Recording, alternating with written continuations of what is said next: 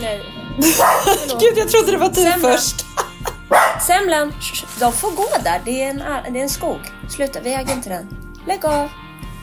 Det är okej. Tack. Tack så mycket. Tack, tack.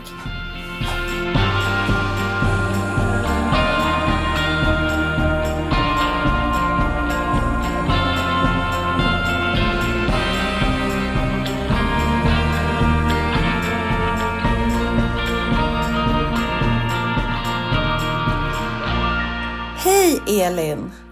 Hej, Katarina. Hej! Grattis till dig och eh, ja, vi har ju inte hunnit prata ordentligt sen jag var på middag igår på eh, Villa Skärtofta. Mm. Så jag vill bara säga grattis till vad ni har skapat där.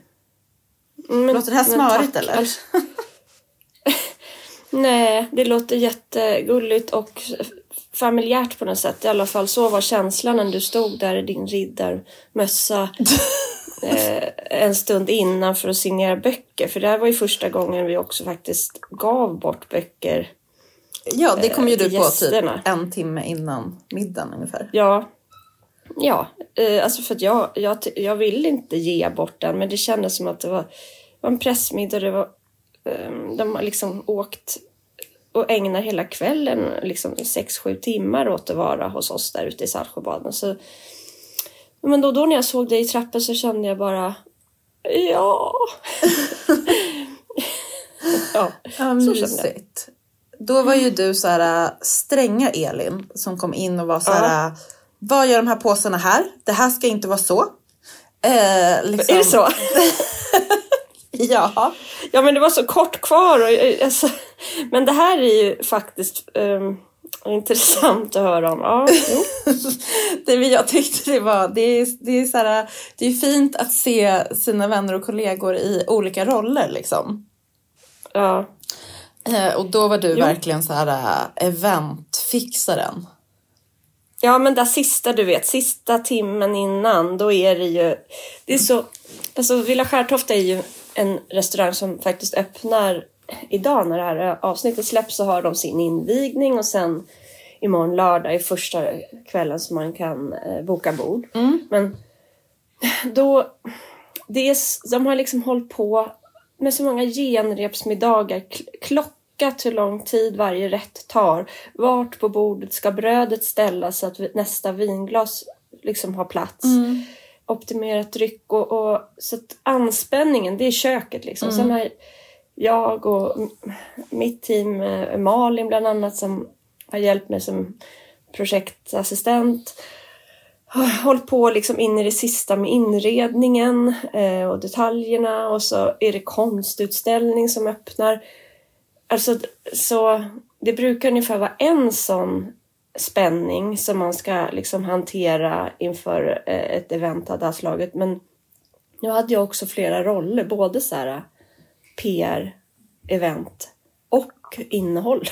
Så det var en eh, ganska... Eh, alltså det var, det var elektrisk stämning timmarna innan. Mm, och jag fattar också att det är så här. Eller då när du eh, skickade ett meddelande till mig och Eva Kruk, vår förläggare, om boken just så här några timmar innan. Då kände jag ändå så här, ja men fan nu måste ju allting annat vara top notch. För nu hinner du tänka Ja. på det här. Jag tänkte att det var så här ett bra Ja. tecken. Alltså Ja, så här, du kunde göra det för- lilla extra liksom.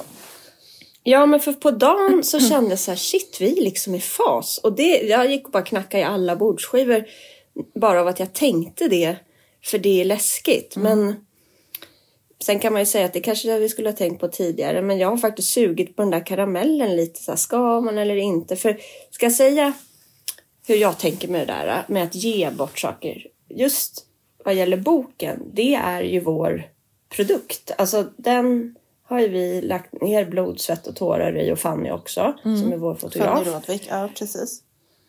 Och eh, absolut så är det fantastiskt att, att journalister får läsa den eller influencers inom vårt område.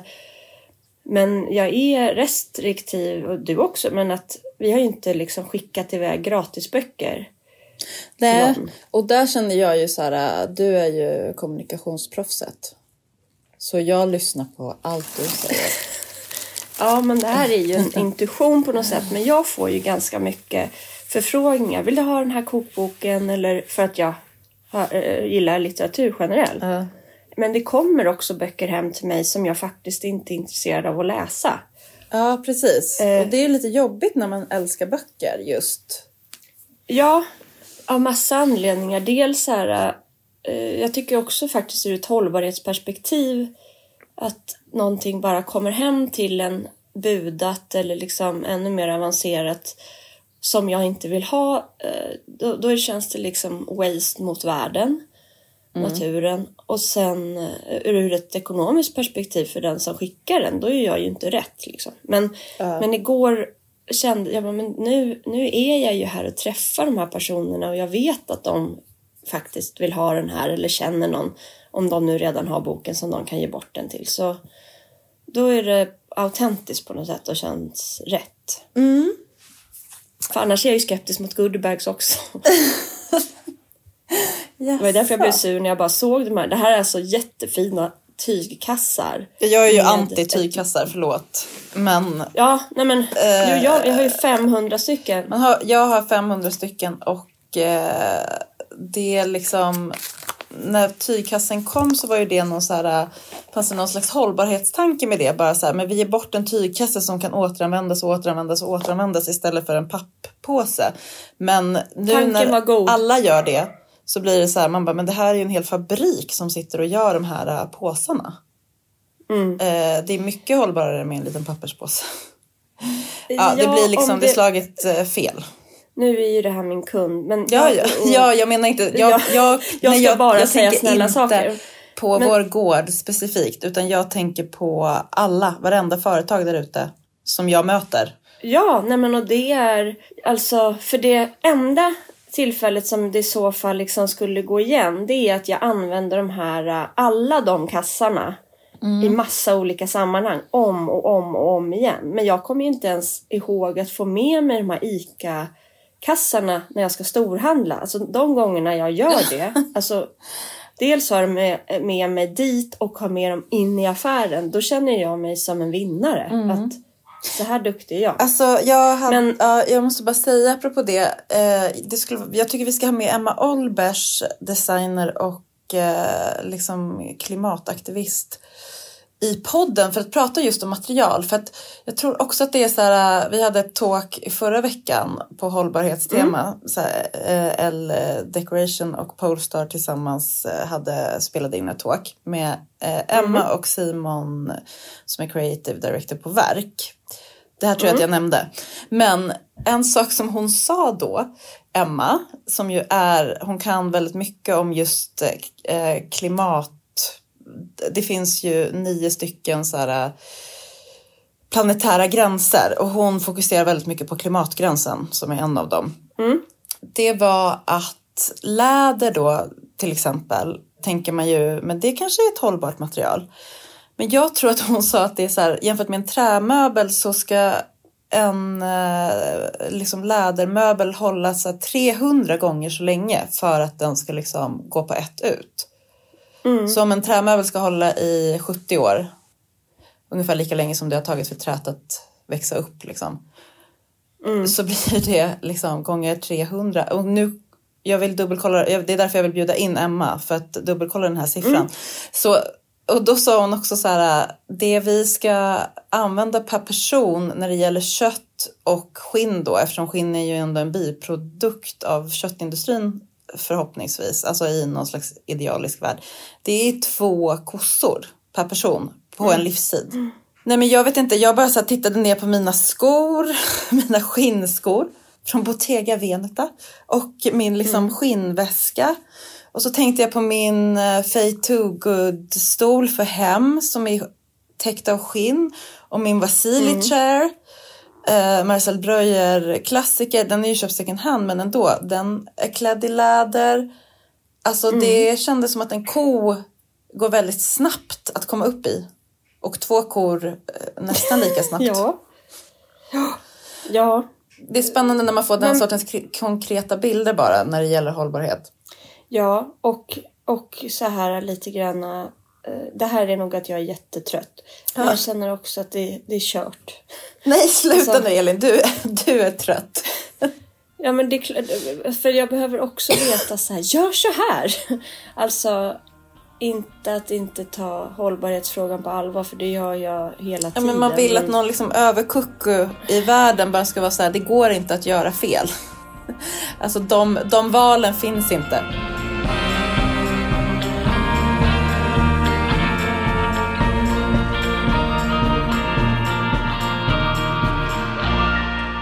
Okej, det där var en utvikning men ehm, jag vill gå tillbaka. Vi var. Jag sitter på mässan nu. Jag har fått Ja. låna ett rum här uppe i pressrummet eh, och jag ställer ju också ut här. Det är otroligt spännande. Eh, men eh, det tänkte jag att så här, mässtrendspaningen kan vi ta nästa vecka när man hunnit smälta allt och så här, sortera i huvudet. Mycket bra. Mm, och därför så vill jag, jag har så mycket frågor om Villa Skärtofta. Kan vi köra tema vår gård? Alltså mer än gärna, om jag ska vara helt ärlig Kattis. Alltså det är så varmt inne i min hjärna. Jag typ, om jag får en, det är en fördröjning mellan att du säger något till att jag tänker något till att jag svarar. Det är bara... Ja, jag tror att jag är istället så här hyper för att den där middagen var ju ljuvlig. Men det var ju elva rätter och jag tror jag var hemma kvart i ett. Och Ja. sen klockan åtta skulle vi ha så pressfrukost med Eldrick och Design Awards och presentera alla vinnarna. Så Ja. det blev liksom Alltså jag sov eh, bra när jag väl sov men var, jag är liksom så här upphypad och har Mm. Ja. ätit massa choklad precis. Så att jag kan ställa Vad tusen härligt. frågor. Jag tänkte så här. Jag ska börja med att plocka ut eh, lite saker som jag tänkte på. Som också Mm. är så fina idéer att ta med sig hem till sitt eget hem. Shoot. Först, och de här har jag sett tidigare när jag varit och hälsat på där. Men ni har ju gjort otroligt fina insynsskydd i textil i fönstren. Visst är de fina? Ja, de är så fina. Kan du beskriva dem och berätta hur ni har gjort och varför? Kort kan man säga att den här Villa Skärtofta det är liksom den äldsta byggnaden på vår gård och det är... Ja, kan du inte berätta 1897. bakgrunden först då? Det var ju så inte spännande att höra tycker jag. Men det, det kan jag också komma in på, det Ja, kommer komma. Men den är liksom byggd 1897 som privatbostad. Vilket Eh, är den och- sjukaste tanken. Alltså det här är ju typ, det är ett hus med salar med så typ fem våningar eller något med fem meter i takhöjd på varje våning ungefär. Så känns det. Och tinnar och torn och, och så.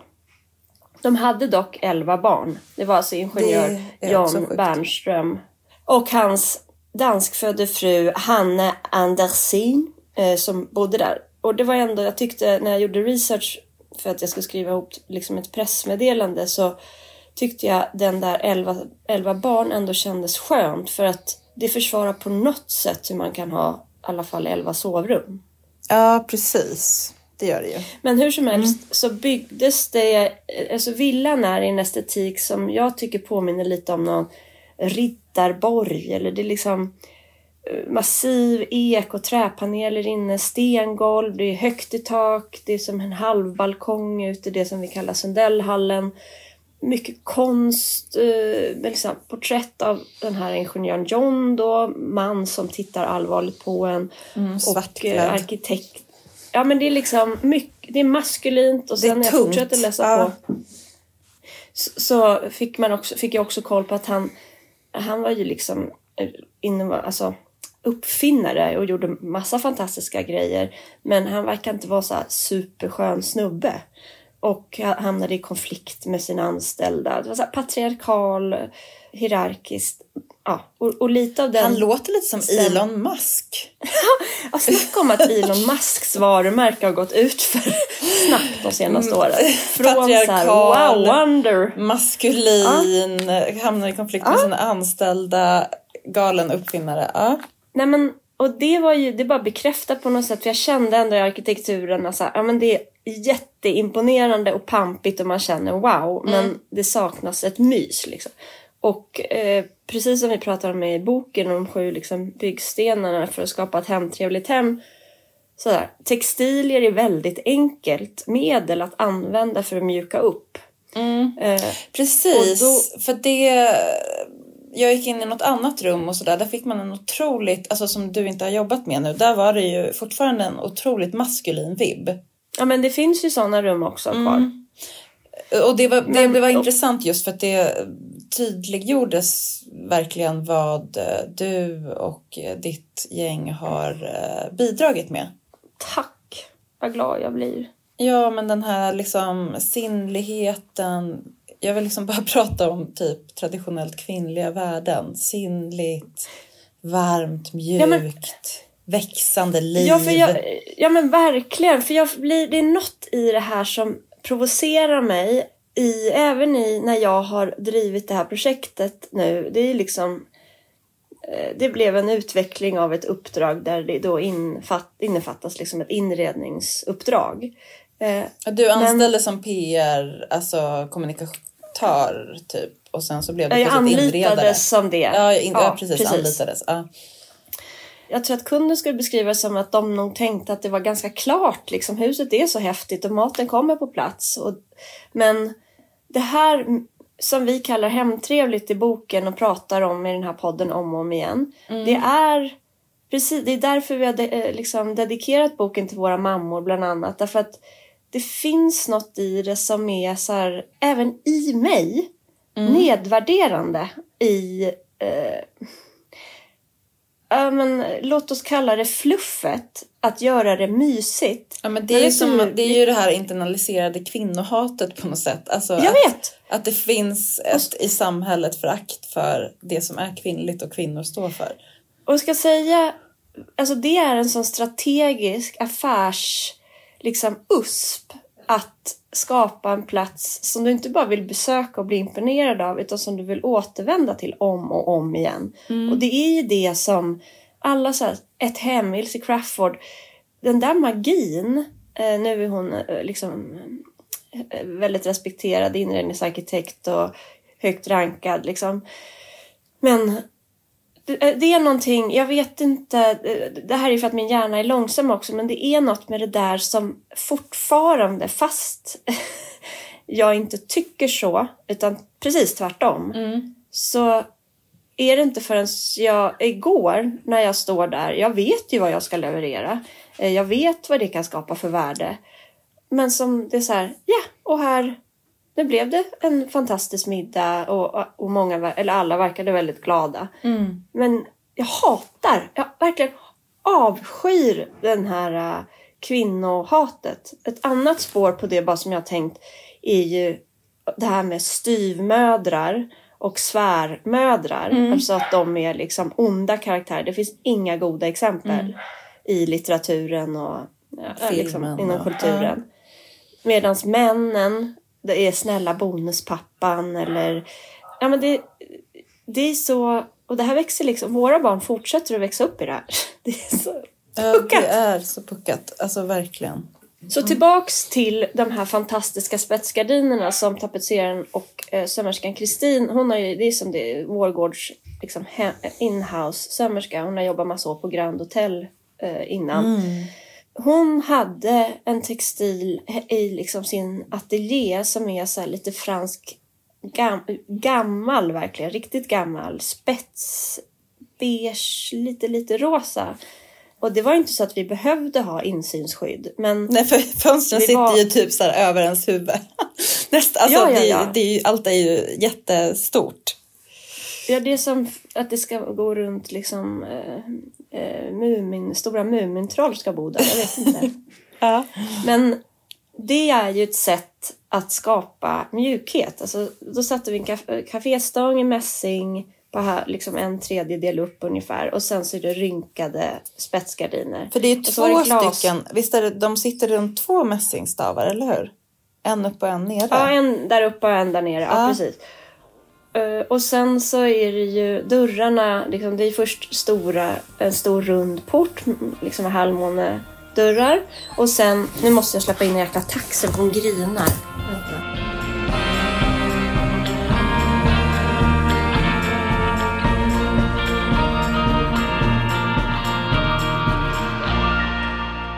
Nej men där, innerdörrarna där är också i glas eh, och där satte vi också upp den här eh, eh, spetsen. Och det här är ju en ganska klassisk liksom, inrednings... Alltså verktyg, eller vad ska man säga? Det är ett enkelt sätt att skapa bistrokänsla. Ja, precis. Det? Ja, det är det ju. Men nu tycker jag Men att du ska liksom lätt. inte så nedvärdera dig själv på något sätt. Det känns som att du vill det. Ja, det här är konstigt. Jag, är, jag får öva. Eh, Jag, jag får ta sats för att säga tack, vad kul att du tycker det är bra. För jag vill typ säga 90 andra grejer som jag hade velat gjort på ett annat sätt. Ja, men de ska Typ. vi inte prata om, för nu ska jag bara lyfta fram de sakerna som jag tänkte på. Ja, förlåt. Eh, och du får inte ursäkta dig alls. Utan, men, det, men alla de här sakerna är liksom både det som sätter stämningen men också så här väldigt eh, konkreta tips att ta med sig som sagt i sitt eget hem tänker jag. Verkligen. En sak som du har fört från ditt hem några kvarter bort till eh, vår gård är ju det här pelarbordet i innerhallen. Där man möts av eh, ett stilleben som kan liksom ändras efter säsong och tillfälle och sådär. Vill du berätta liksom varifrån den idén kommer och hur du har tänkt? Ja, alltså det är ju det du och jag brukar prata om, altare. Det behöver inte vara på ett pelarbord. Det kan vara en hörna på köksbänken eller eh, lilla hallbordet eller någonting. Men att det går i säsong på något sätt. Att det känns som en liten buffé av allt ifrån eh, litteratur där något är aktuellt just nu ihop med något kanske historiskt, konst. Ja, du eh, hade ju de här uh, snackcitronerna Ja, som jag var tvungen att smaka. Det var det var ingen mysigt. hit. Nej, men jag orkade inte säga det och det var så här klockan 12 på natten. Du var så glad så jag bara gör det, gör det. Men nej, men det är något jag har själv. Det är som så här när Alex höll på att rita trappan till vårt hus och gjorde massa research för. eh, Han var ju med i STIL förresten i P1 här för i januari typ. Gud, jag ligger efter på mina stilavsnitt. Ja, men avsnittet handlar om trappan eh, i fokus på något sätt. Hur den kan användas på olika drama... Alltså Turkiska inom, i en dramaturgi ja. på något sätt. Eh, det blir distans, det blir en entré, eh, där kommer någon och, och så vidare. Chanels butik med den här glas eller spegeltrappen var också med. Ja, gud, vi, Men har ju den- faktiskt, vi har ju faktiskt en sån trapp i vårt lilla radhus. Ja. Det är ju Ja, Chanel. mäktigt. Mäck, inte i glas, men Ja, ändå. Men- en, men- en entré, alltså en ehm, dramatisk trappa. Ja. Och Hitchcock var också med liksom i hur man kan använda trappan i liksom spänning och sånt där. Ja, men hur som helst, när, när den där researchen gjordes och också vi höll på, jag höll på med mina moodboards så fastnade jag för det här liksom mittbordet som finns eh, liksom i många stora villor och på hotell och sånt där det liksom är som något väl, ett första välkomnande eh, moment. Ja, om man liksom, det är ju den sortens bostäder då eller platser där man tas emot. Alltså det finns så flera steg innan man kommer in där man kanske sätter sig. Alltså flera Mm. rum. Utan där kanske någon står då och delar ut en drink och så fortsätter man in. Eller man hänger av sig och fortsätter in liksom på något sätt. Ja men precis. Eh, Alltså vi har ju aldrig serverat en enda drink på vårt runda pelarbord men det finns ju i fantasin. Ja, det borde ni Eh. göra. Typ till fredagsmiddagen. En Negroni. Ja. Ja. Då får alla barnen gå ner. Och så De kan, stå i, de kan ju liksom stå i trappan och sjunga Sound of Music. Ja. ja. ja, jag var sjukt. Nej, och i, det var också bara stört i den här P1-intervjun med Alex så säger han så här att eh, tanken är att man ska kunna göra liksom en grandios entré. Det har ju aldrig hänt. Alltså den här trappan är superfin. Och till, liksom, men jag har ju aldrig, jag måste ju springa ner för den för att öppna dörren. Det är ju ingen som öppnar dörren så att jag kan komma ner. Nej precis, det är ju också liksom den sortens, eh, alltså inspirationskällan är ju så här ett hus där man har betjänter. Ja, man bara, vart är hushållerskan? PGA, jag ska göra grandios entré nu. Du glider Nej, ner nej. där med din jättelånga kjol som ska glida efter Ja. i trappan. Ja.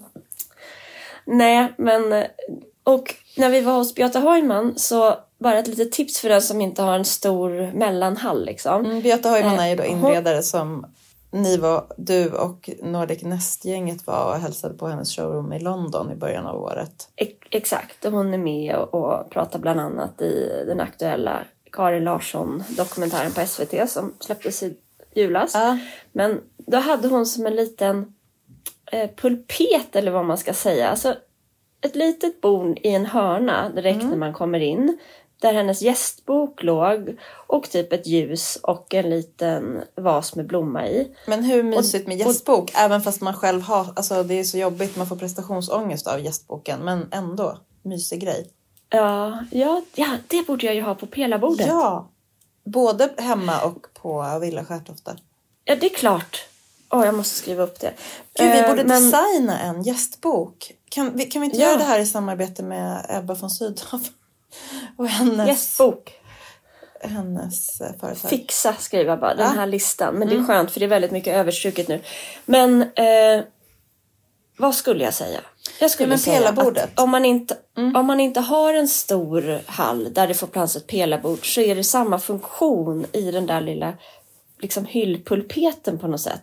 Jag tänker hemma hos dig. Ja. Om det någon gång liksom typ städas upp i eran hall. Alltså inte att du, att du är stökig utan att den är gjord på 50-talet och, och orimligt liksom ofunktionell för att vara en hall. Ja. Men då skulle ni kunna ha en liten sån liksom på, ins, alltså direkt till vänster eh, vid entrédörren eller in, innan man kommer in i liksom i matrummet. typ. Ovanför elementet där vi har en spegel nu. Det är liksom enda platsen. Men där skulle det kunna finnas något. Ja, Mm. det är... eh, jag, jag tycker om det. Det som... Jag tycker det, liksom, det ska vara så, men jag förstår att... För det var fler som sa bara åh, det här är så du. Eh, eh, men det är som att det ska vara ett godisbord fast med kultur, typ. Ja, fint.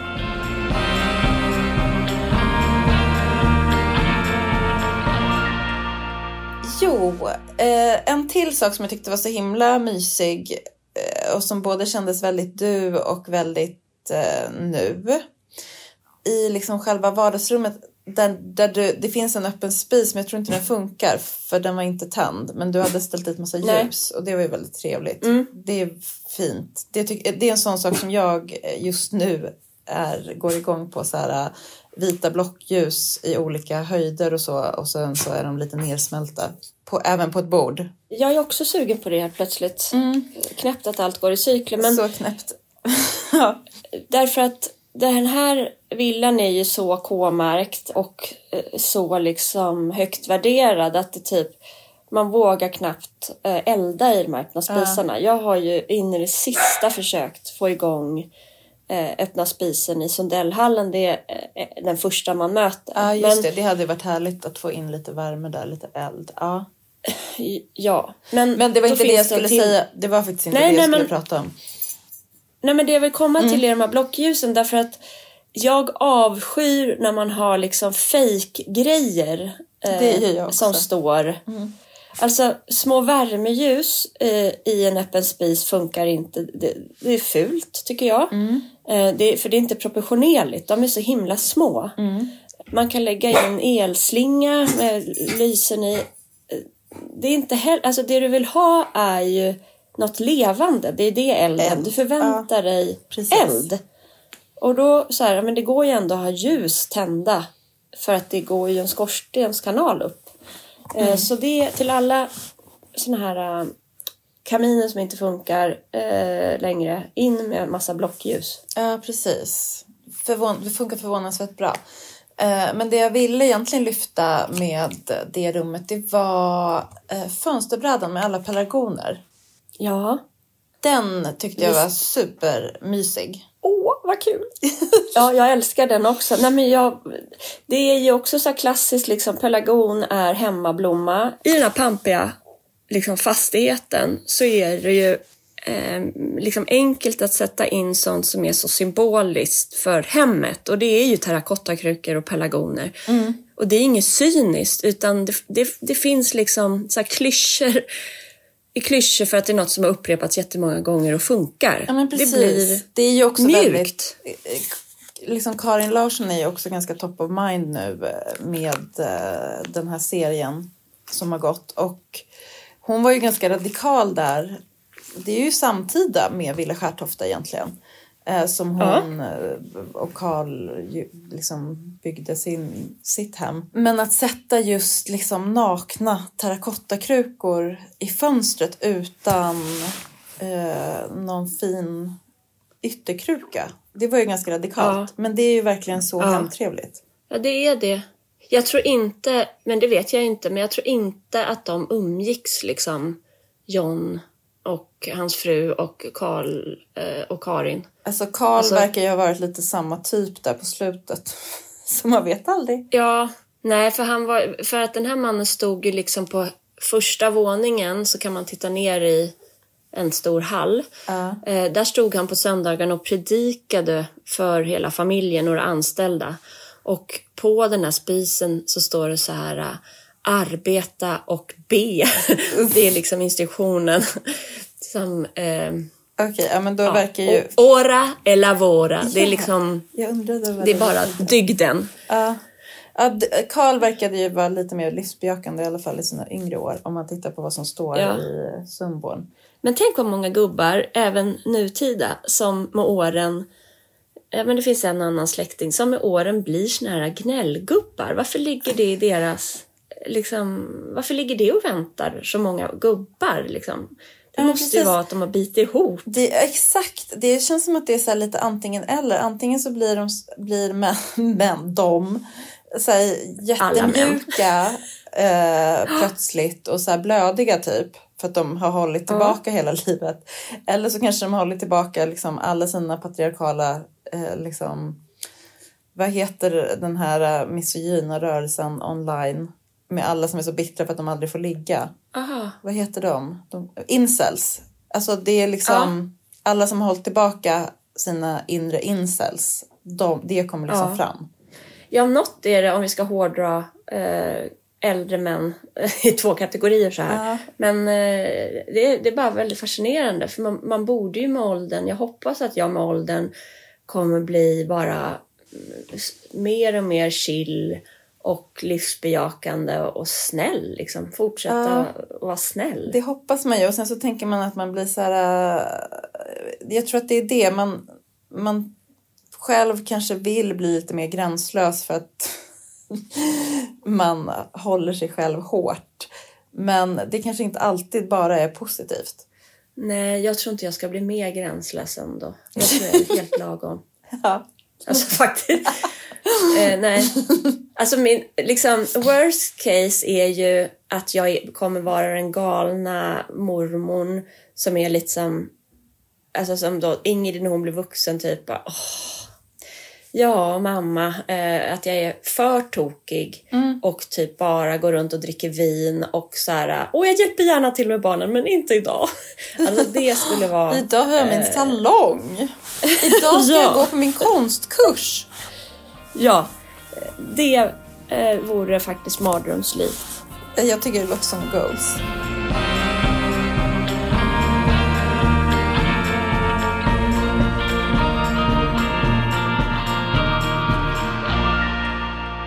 Okej, det är två saker till jag, jag skulle vilja lyfta fram.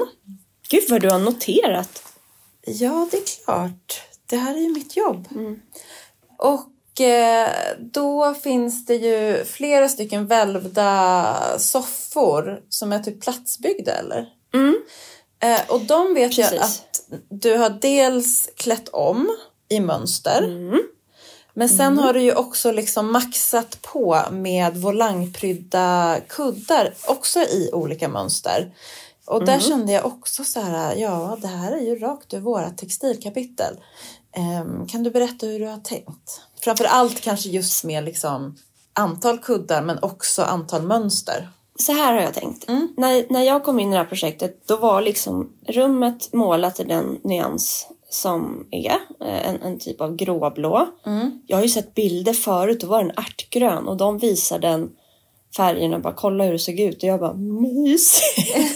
Men Eh, det här gissar jag är liksom, det, det, finns en enhetlighet också i väggfärgerna som eh, funkar jättefint och de har ju tagit in Riksantikvarieämbetet för att liksom få eh, råd. Ah, så ah, att det ska bli, allting är gjort korrekt. Liksom. Ja. Så det, det är jag ju alltid för, att eh, där man vet en historia och där fanns en grundtanke att utforska den och se var den dum eller inte. Och, och, så det är fint. Men där fanns det då en platsbyggd soffa som är liksom i, en eh, den går i ovalformat längs ett av de här tornen. I botten av det tornet så Ja, det är därför Så- det är välvt. Okej. Precis. Där är det en soffa som är många meter och den var också i en, eller är fortfarande i en gråblå nyans. Inte liksom min smak, men det har ju varit en otroligt liksom tight budget. Det har inte varit eh, så här nu bara langar vi ut miljonerna. Alltså det här ägs ju av KF och är Ja, men jag har vridit och vänt på varenda krona. Men ett sätt då för att dels behövde, var sitthöjden lite fel, man satt liksom inte skönt. Så det behövde kommas upp lite. Och då pratade vi om socken, ska vi höja upp socken? Så bara, men om vi lägger en dyna ovanpå eh, i ett starkt mönster dessutom så, så får vi både en stark prägel på det estetiska och en funktion. Och det blev faktiskt eh, svinbra. Och där jobbar ju jag med Ludvig Svensson Textilier och de har ju otroligt bra kvalitet. De gör ju det här, äh, alltså Lasse Åberg-tyget i tunnelbanan är bara ett Ja, exempel. just det. Ja, det Så känns ju helt kände- outslitligt faktiskt. Ja, och det var också så ett ganska galet mönster som jag aldrig hade fastnat för om, om jag ska vara uppriktig, om jag bara hade sett det. Men när det kom i, ja, första gången jag såg det var, alltså på riktigt, det var när jag var i fabriken och såg det tillverkas och det var stor volym, en stor yta som jag plötsligt så här, ja men här finns det ju en dynamik i. Ja, det är sen- väldigt 70-taligt på något sätt. Ja, Eller? Ja, men precis. Det är runda, ja men 70-tal. Det är runda cirklar i olika färger typ. Ja. Knäppt. Men eh, då gjorde vi en del kuddar av, av det tyget. Eh, Men sen så var jag hos Kristin i hennes ateljé och tittade vad hon hade för stump, alltså Stuvar? stumpar kvar. Stuvar heter inte stump, det är ljus. Stuvar. Därför att jag det är också en sån här grej, man köper in fyra meter så går det åt 3,2 och så är det 8 centimeter över, vad ska det användas till? Så därför är det så jättemånga olika mönster. Men hon hade ju hundra och jag försökte liksom välja, okej vi behöver få in värme, det är blått i det här rummet, jag vill få in kvinnlighet, mer, vi kan inte ha mera liksom blått. Ja, och sen så tog vi och köpte ett gäng meter av det här du vet draperityget som hänger på en skänk som står eh, men som en serveringsskänk mitt i matsalen. Det är nytt och kommer från tygverket som ser lite som lite asiatiskt silke, stora brodyrer på. Broderier. Jättefint. Ehm, så, Ja. så, och sen så var det så här, eh, gud, alltså det har kommit som, alltså först bara langades det in tio kuddar. De bara försvann. Det är ju så, så enormt stora rum. Eh, sen kom det tio till och så tio till och så tio till. Eh, det behövs väldigt många kuddar för att det ska liksom kännas så här uh, vulg och fluffigt uh, härligt. Och det var en sån grej innan allt har kommit på plats. För det har ju varit under det här projektets gång. Alltså att det, vi har ju hållit på under hela hösten. Ja. Det har kommit produkter. Jag vet att när den här rosa ballonglampan som står nere på den där runda bordet vi pratade om tidigare. När den kom så var ju Lian som är liksom restaurang eh, och mat Food and beverage manager. Ja. Han bara, jag förstår, jag förstår inte riktigt konceptet med den här eh, rosa ballongen. Och och det, det är ju så liksom som med kuddarna när det kommer lite i taget och de är blommiga och eh, en och en kanske lite galna så fan sällan.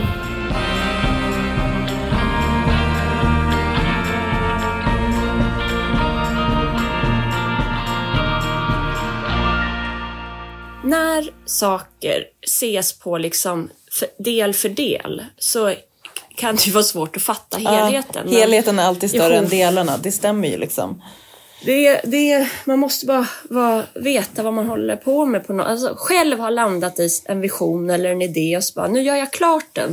För kompromissar man för mycket med viktiga saker, som här till exempel med kuddarna, mm. så kom det en diskussion bara, men gud man får inte plats, det är för många kuddar. Jag bara, men jo, det är bara att flytta kuddarna åt sidan. liksom. Så mm. får man plats. Eller upp i och, ryggen. Och det där är ju något, typ. Ja, och det där har ju liksom de som har nu igår och på genrepsmiddagen och så var det är så härligt med alla kuddarna. Så ja, man får ha vissa, liksom, man får kill your darlings som inte är viktiga, men andra får man hålla i. Så har jag lärt mig efter ja. det här första inredningskonceptet. Ja, bra gjort. Eh, och ballonglampan mm. behövdes ju också på samma sätt som liksom Alex, den här galna jättestora bordslampan typ, fast som är i ja, oh, life ja. size, eller vad man ska säga. Eh, ja, behövs som kontrast till liksom de här träpanelerna och alla kuddarna. Liksom.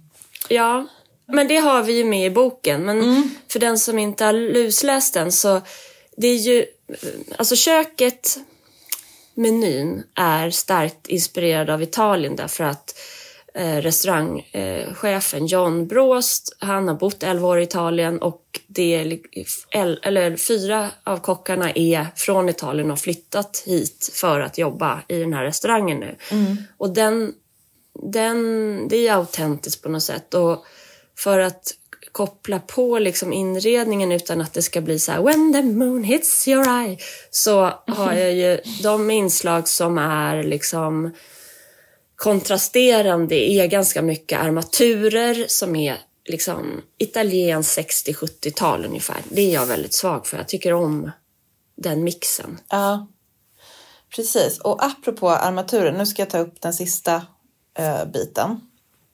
Mm. Jag uh, satt i det som ni kallar för orangeriet och åt. Så himla trevligt med bland annat Lisa Bengtsson som också har gjort kuddar. Uh, de här Soros-kuddarna. Men ovanför det bordet hängde en lampa från Occhio tror jag. Och Occhio ja. är liksom ett tyskt varumärke. Alltså det finns inget designmöb eller liksom inom designvärlden varumärke som är så uh, maskulint och bil... Alltså det känns som ett bilmärke i marknadsföringen. Mm. Eh, och sen mm. så har de jättebra produkter och smarta produkter och liksom är supertekniska och sådär. Men jag tror att de har liksom till exempel en lampa som man kan ha i badrummet och ställa in olika ljus och så. Det är säkert jättebra och toppen. Men det kan mm. då lätt bli väldigt så här krom, eh, maskulint, eh, kallt typ. Och ja. Eh, då har ju ni liksom, nu säger jag ni för att Malin, din eh, Eh, in, din projektledare som också är inredare satt vid mitt bord nämligen. Mm. Hon berättade att, för det hänger då massa gullrankor omkring den här mm. armaturen. Eh, mm. Så att det är mer som att den ljussätter de gröna bladen. Och sen så bordet ja, men, såklart. Jag gick ju på några nitar där i början när liksom kunden var ny eh, och jag ska liksom in i något slags inredningsprojekt som man kanske känner sig själv, jag har lagt ner massa omsorg och energi men den här liksom sista inbjudande värmen saknas. Så den där lampan, jag bara, den kan inte vara här. Så bara, den kommer vara här för den är inköpt då och då och är liksom var en stor investering. Och Förvisso är det bra därför att det är så högt i tak och den kommer ju ner några meter. Det är som cirklar liksom. Mm.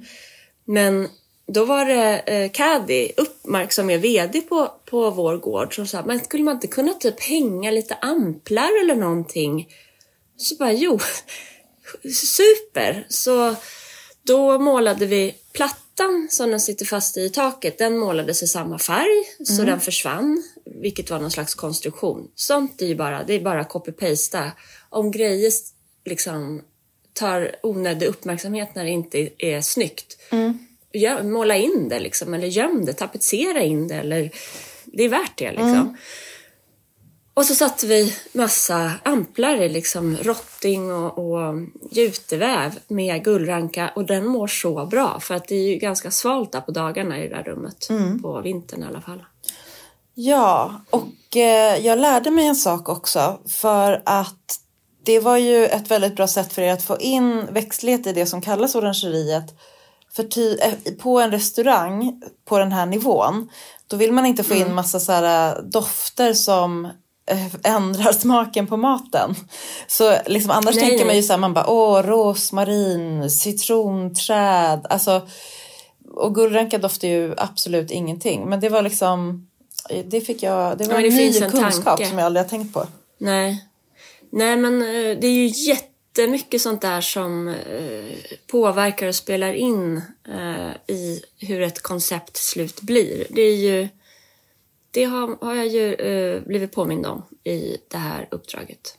Som faktiskt i slutändan har varit otroligt lärorikt och kul. Ja, och det blev jättebra och maten är jättebra och dr- drycken jättespännande. Och... Ja, Ja, alltså det känns här, ju som att det kan bli en hit. Jag är jättenyfiken på att komma dit och typ gå en konstvandring. Ja, eh, Josefin Rosenblad där som är intendent, hon är ju minst sagt passionerad kring konsten. Så att det är bara att haka på henne och sen lyssna i en stund så, så lär man sig massor. Det, det, alltså deras konstsamling, den har ju funnits och byggts upp under de här hundra åren. Det, det är ju liksom Carl Milles, Isak Grünewald, Chagall till samtida verk. Eh, En sak, jag tänker att vi rundar av strax, men när liksom det här konceptet skulle sättas så ja, tidigt såg jag en eh, byst av en kvinna som ja, den heter Kvinna eller ungdom av, eh, av Edvin Örström. Eh, den finns också i typ Bromma tror jag och i Uppsala fick jag veta för jag la upp den på Insta och sa så här, jag älskar den här bysten. Sitt, är det den som sitter när man han som- precis kommer in liksom? Ja, på en grön piedestal. Ja, och hon stod lite, tycker jag, bortglömd liksom i en, eh, i en hörna. Och under projektets gång, hon har ju alltid funnits i mitt huvud, alltså hon måste in. Allt det hon symboliserar ska in i inredningen. Hon är ju i, det ser ut som terrakotta men det är någon stenmaterial om Okej, man bär trodde det den. var Den svintung. Ja. Ja, nej. Stadsbud, två män kom, en kom för att flytta den. Okej.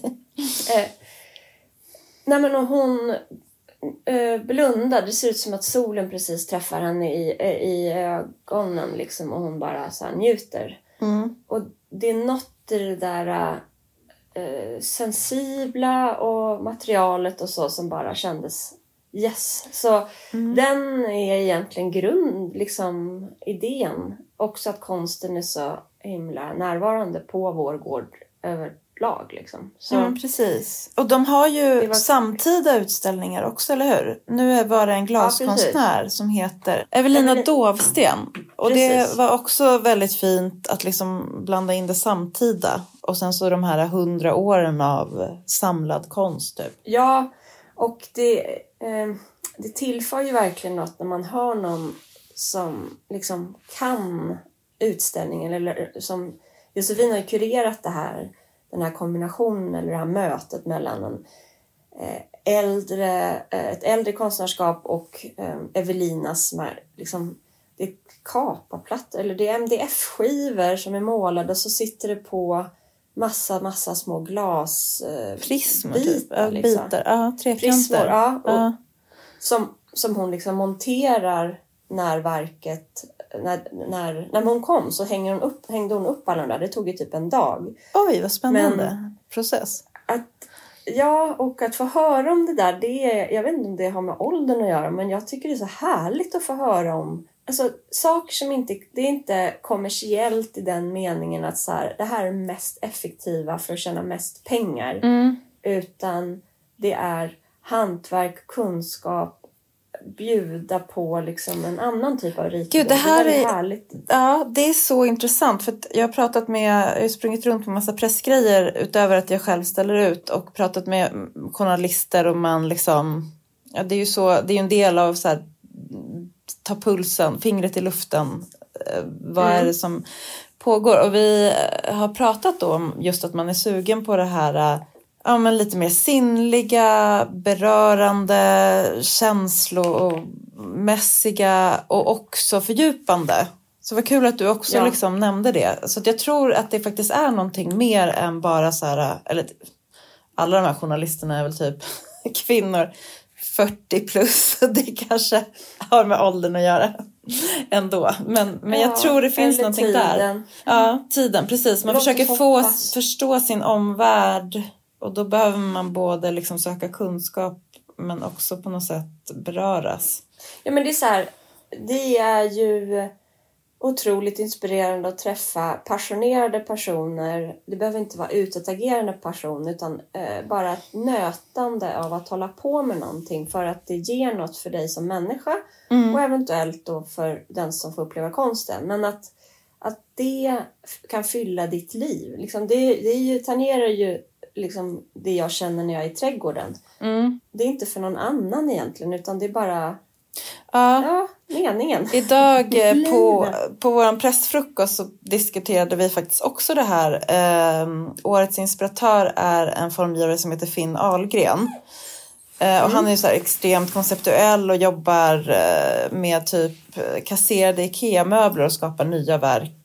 Och i hans praktik så ingår det också ett slags manifest om hur vi måste ändra vår syn på skönhet, typ. Eller liksom vår Men det här är ju relation till pratar, tingen. vi pratar bara för, Ja. Det här pratade vi om för bara någon vecka sedan. Alltså att det var sån smart uh, take redan förra året på under... Ja men exakt. Ja, eh, det är Ja. ju en del av i varför han får pris då. Liksom, det han gjorde då under förra årets Furniture Fair. Men, och då pratade vi om så här, går det att, eh, går det att bygga en verksamhet på principer i liksom, dagens samhälle? Och han var så här, han bara, jag tror verkligen att det, jag ska hitta ett sätt. så det, det, är, det är många som kanske reflekterar kring eh, andra vägar framåt helt enkelt i, eh, på olika delar av livet. Definitivt. På tal om det. Ja. I helgen, vad ska du hitta på då? Eh, men jag kommer ju vara här ute på mässan för det är öppet för allmänheten imorgon. Så kom allmänheten kom eh, till Älvsjö gård på eh, Stockholmsmässan i A-hallen. A0428. Precis.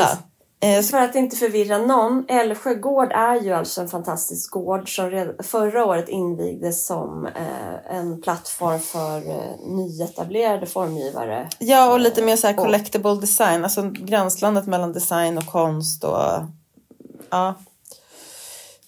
Verkligen. Och den så. har nu flyttat in i en av hallarna i år. Därför att dels att eh, lågkonjunkturen har gjort att färre eh, utställare har liksom ställt ut.